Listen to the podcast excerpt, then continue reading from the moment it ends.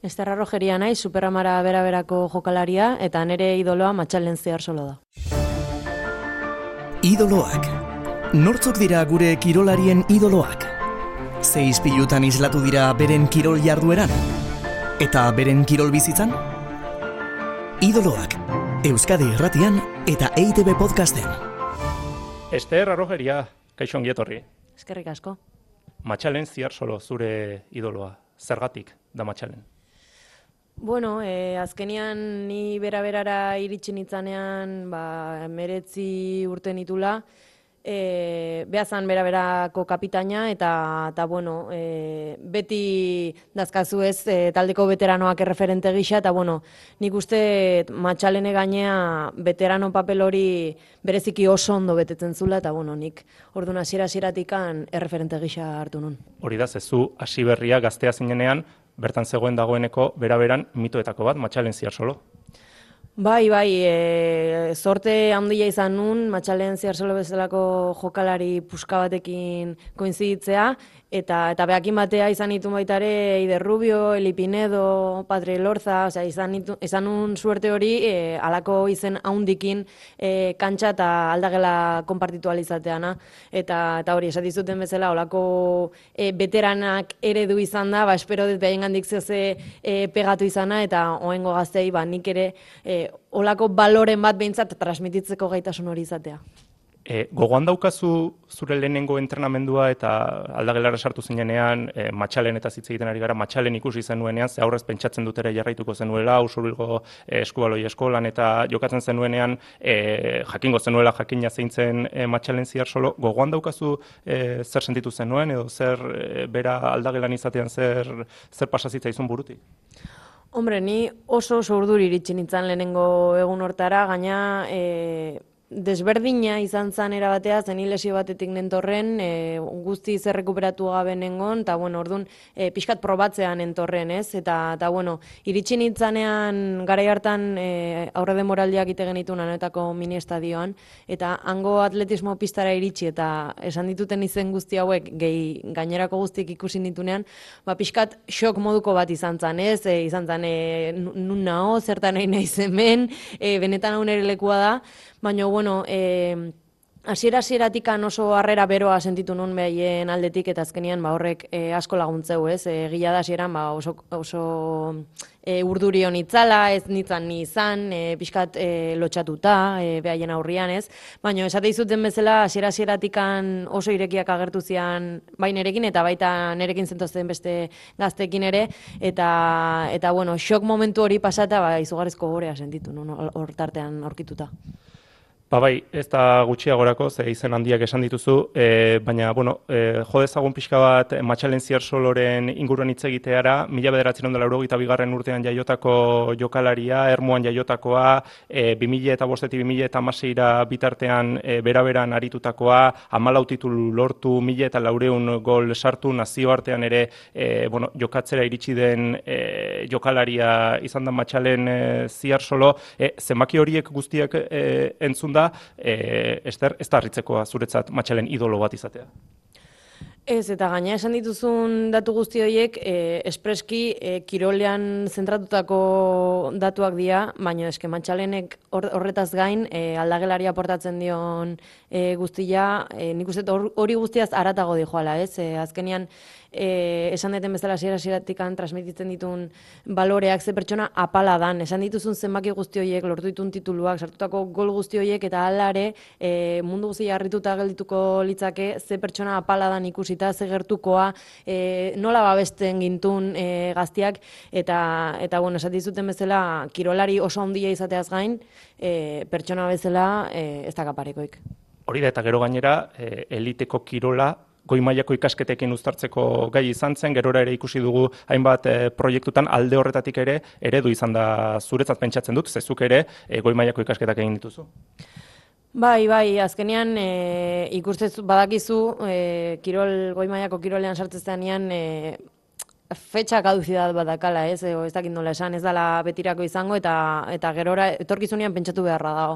Eta, eta karo, ikusita olako jokalariak, batenak behaien e, karrera unibertsitarioakin, edo behaien ikasketakin dana dalakoak izan da, e, bazkenian, ez duk ere argi dakazu, ba, bidea, bide hori jarraitu behar dezula, ez. E, nik egia esan hori asiratikan oso argi izan nun, gaina nahiko argi izan nun baita ere ze, ze unibertsitate karreratik joan nahi izan nun, eta, eta zorionez, ba, gaur egun, e, bai kirola eta bai erizaintzan, nik ikasi nun e, e, profesioa edo, e, biak ustartzeko gai izaten ari naiz, eta bueno, nik uste hori e, privilegio bat dala nagon egoeran egonda. Matxalen ziar solo, bueno, zuk jokatzen duzun beste postu batekoa da, baina e, zertan fijatzen zinen e, berarengan zer gustatzen zitzaizun, e, bai entrenamenduetan, partidetan, zertan zen berezia matxalen?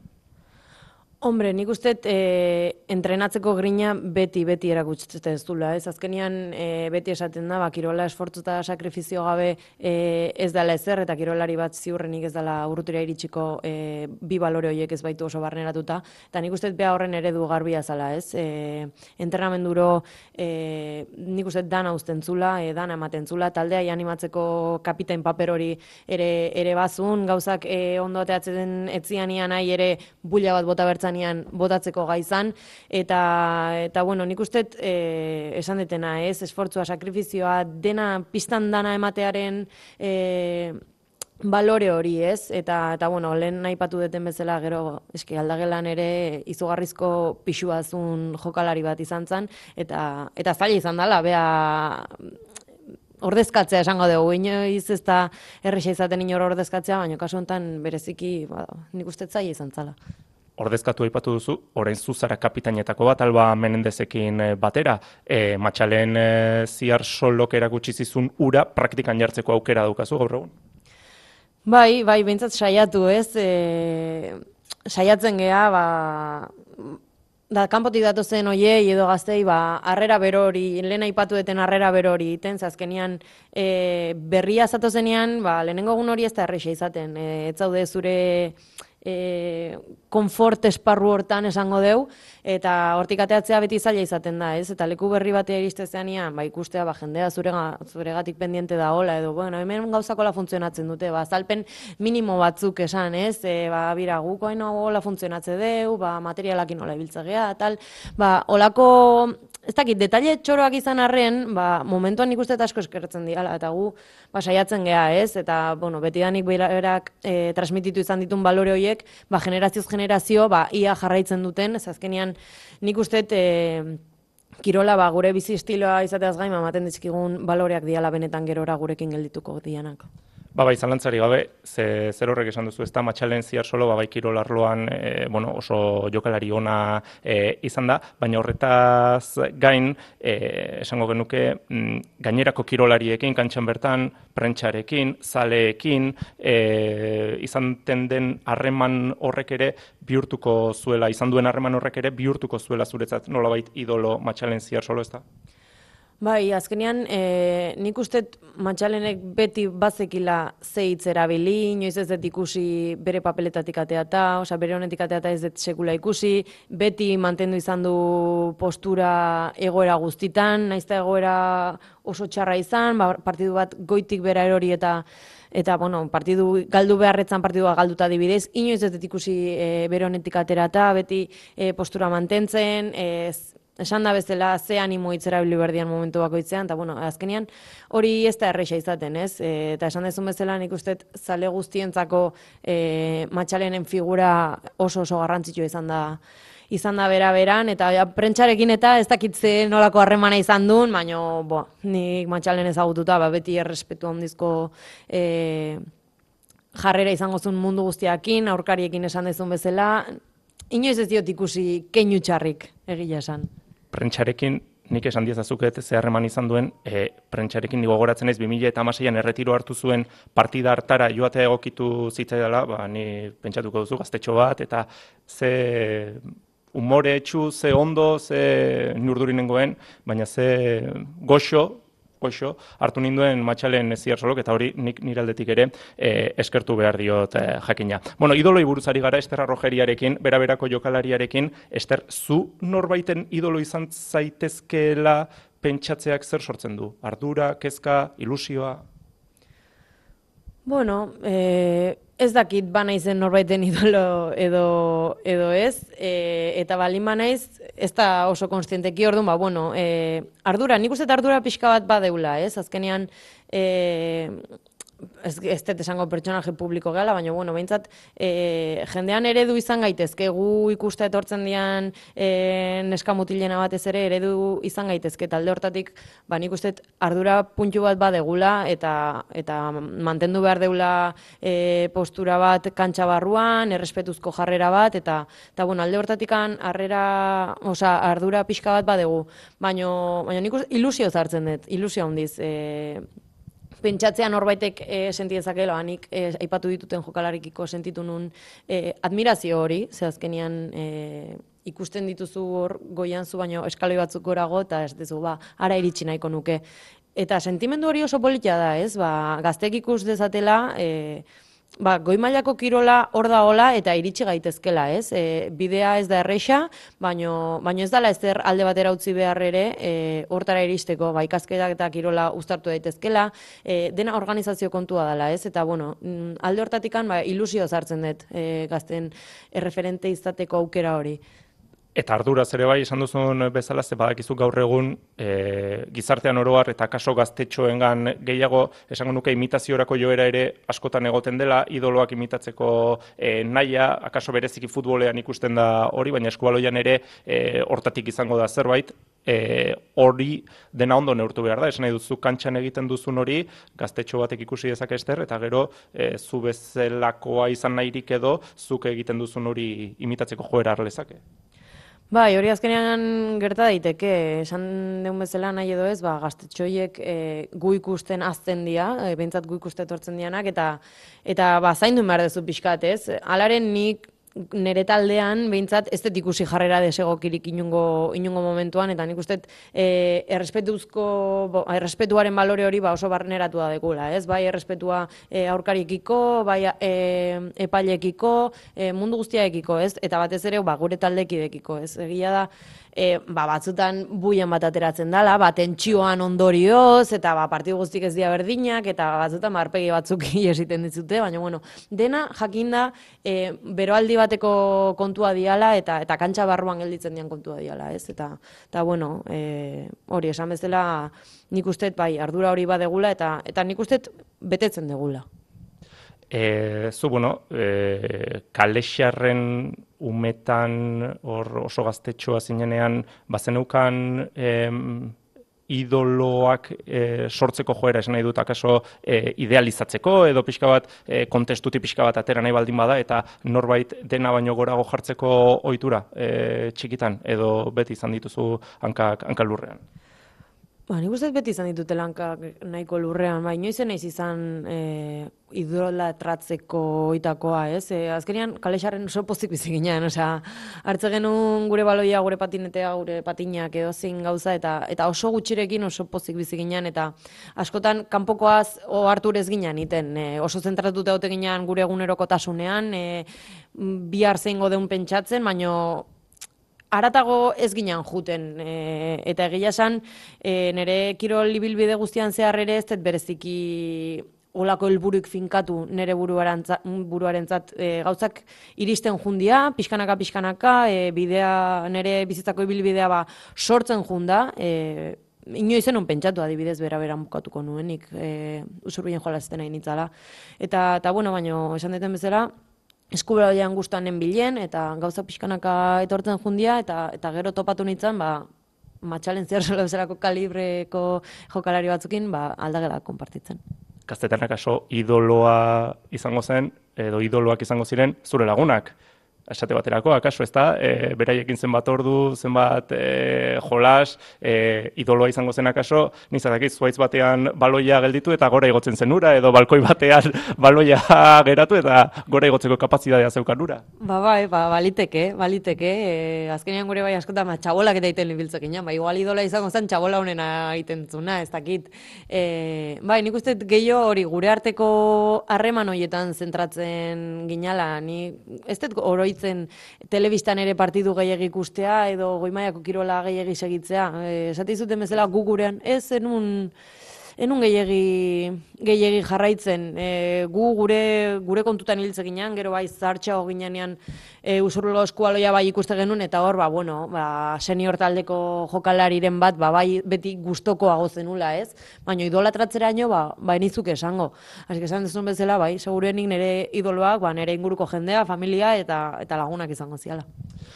Matxalen ziar ere bai, matxalen ziar buruz eh, luze eta zabal asko hitz egin eh, dugu, baina jakin badakit beste izen propio bat bereziki azpimarratu nahiko zenukela, eta hori Eider Rubiorena da, esaidazu zerbait bere inguruan, ze zalantza puntu bat ere izan zenuen matxalen edo Eider aukeratu. Bai, bueno, azkenian eh, esan ezun bezala matxalen beste postu bateko jokalaria da, bea estremoan ibiltzen da, bueno, ibiltzen zan. Eta, eta Ider berriz, ba, zentrala, ez, ni bezala. Eta Iderrekin, bai, eh, bai sentitu nintzen identifikatu beste alde batetik e, Eiderrekin, zazkenian, bea ere oso pertsona, bueno, hasiera baten isila, e, oso lasaia, e, ez dakit nola esan, e, baino aldi berian, nerekin hasieratik oso gertukoa agertu zan, ez? E, ni iristen itzan pistako entrenamendutara eta gaina esan dizuten bezala lesio batetik nentorren ordun pixkat berandu gozartu nintzen e, pistara eta ordu, ma, ba, pixkat zailagoa izan zen, ez? Lehenengo urratxori ematea. Eta gogoratzen naiz, beha beti pendiente zeola, ba, nere aurrean jartzeko hilaran, eta e, ariketa iten hasi aurretik, ba, zalpen amatezian, eta eta oroipen hori ez zait juten. Osa, asira asiratikan oso gainean izan nun, e, gauzan bat igual hobeto inezakenean segituan etortzezan eta azalpen, azalpen hori ematen zian, eta nere postukoa izan da azkenean, ba, empatia hori erresagoa da, ez? Eta, eta bueno, e, horregatik izan nun zalantza, zalantza puntu hori, azkenean, e, matxalen oso, oza, pedestala handi baten jartzen duten bezala, Eider Rubio ez berago jartzen. Eta zuk orain hartzen duzu, jokalariren batekin horrelako jarrerarik, esan nahi dut pixka bat, babestu, lagundu, denekin saiatzen zara berdin? Bai, azkenean saiatzen zea, ez, egia da, zure postuko danian erresagoa dela, ze askotan postutan manatuta duten geha kantxan zehar, eta orduan, ba, zurekin da honarekin dakazu horrelako jarrera erresago hartzea. Baino, baino bestela inguruan topatzez egun egoz, saiatzen geha, egia da, konstiente gehala denok pasagea lehenengo pausoietatikan, berria izatea, ez jakitea beroketak nola iten dian, e, e, nola berotzen ditugun, ariketak nola dian, guk azkenean, e, mila aldizin ditugu ariketa berdinak, eta azkenean ja, kontziente egiten dituzu, baina norbait berria iristen denean, kontziente izan bertzea, e, ba, laguntza bat behar dezakela, ez? Orduan, e, saiatzen geha, behintzat, e, batez bada bestea, e, pendiente hoten eta laguntza hori ematen. Amaitzen eh, joan behar dugu Ester Arrojeriarekin izaten ari garen eh, elkarrizketa saio hau eta bere eskatuko diote azken iritzi bat Eider Rubio eta Matxalen Ziarsoloren eh, inguruan, baina pixka galdera irekia. Zure ustez, e, gaur egungo jendarteak idoloak behar ditu erreferente beharra badauka Ester? Hombre, nik uste erreferente beharra beti da hola, ez? Azkenean e, norengan Is, bueno, islatu edo, bai, nor ikusten dezun, nora iritsi nahi dezun, ez? E, ze helburu finkatu zure buruari, e, nik uste da garrantzitsua dela, eta kirolean, eta emakumen kirolean berezik esango nizuke are gehiago, ez? Azkenean, e, nik uste azken urtetan ikusi dela, geroz eta lehenago uzten dula kirola e, jendeak, eta bereziki neskek, eta nik uste hori pena badala, ez? E, azkenean, kirolak ematen dizkigun, e, lehen aipatu ditudan balore horiek, eta nahi eman dizkidan e, pertsona guzti horiek, nahi azkenean, Kirola gauza asko, asko mandizkit, baina mandizkiten bizipen eta pertsonak, betirako nerekin eramango dituten pertsona horiek, ez dit inorreken du, ez dizkit inorreken duko ez. Eta, eta pena hundi jamateit e, ikustea, ba, jendea ja, e, juveniletara iritsi eta ja, ba, adibidez, eskola ja utzi edo.